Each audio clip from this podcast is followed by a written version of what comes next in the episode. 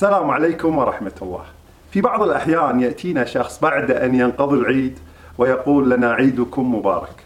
أو يقول كل عام وأنتم بخير. وهذا الشعور الذي يأتينا هو شعور أنه قد ذهب موسم الأعياد. فعلى ما تبارك. هذه المشاعر وهذه العلاقات التي نتعامل مع الناس بها علينا أن نتعامل مع الله، فالعبادات لها مواسم، هذه المواسم علينا أن نراقبها ونرصدها.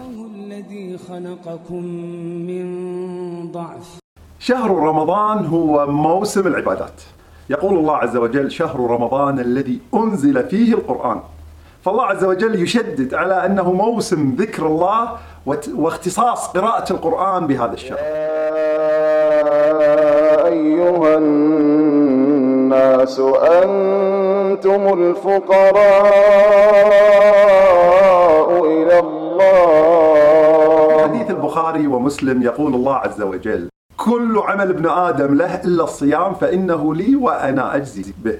وهذا الصيام هو موسم الجزاء الحسن وموسم التقرب إلى الله عز وجل. يقول الله عز وجل عن ليلة القدر التي هي في شهر الصيام ليلة القدر خير من ألف شهر. الله الذي خلقكم من ضعف. يقول الرسول صلى الله عليه وسلم عن قضاء حوائج الناس.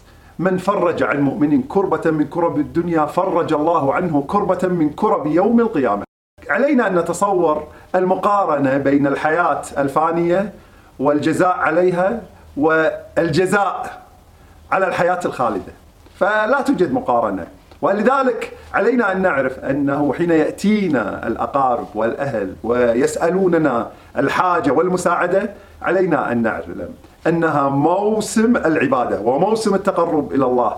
علينا أن نعيد النظر في كيف ننظر إلى هذا الطلب.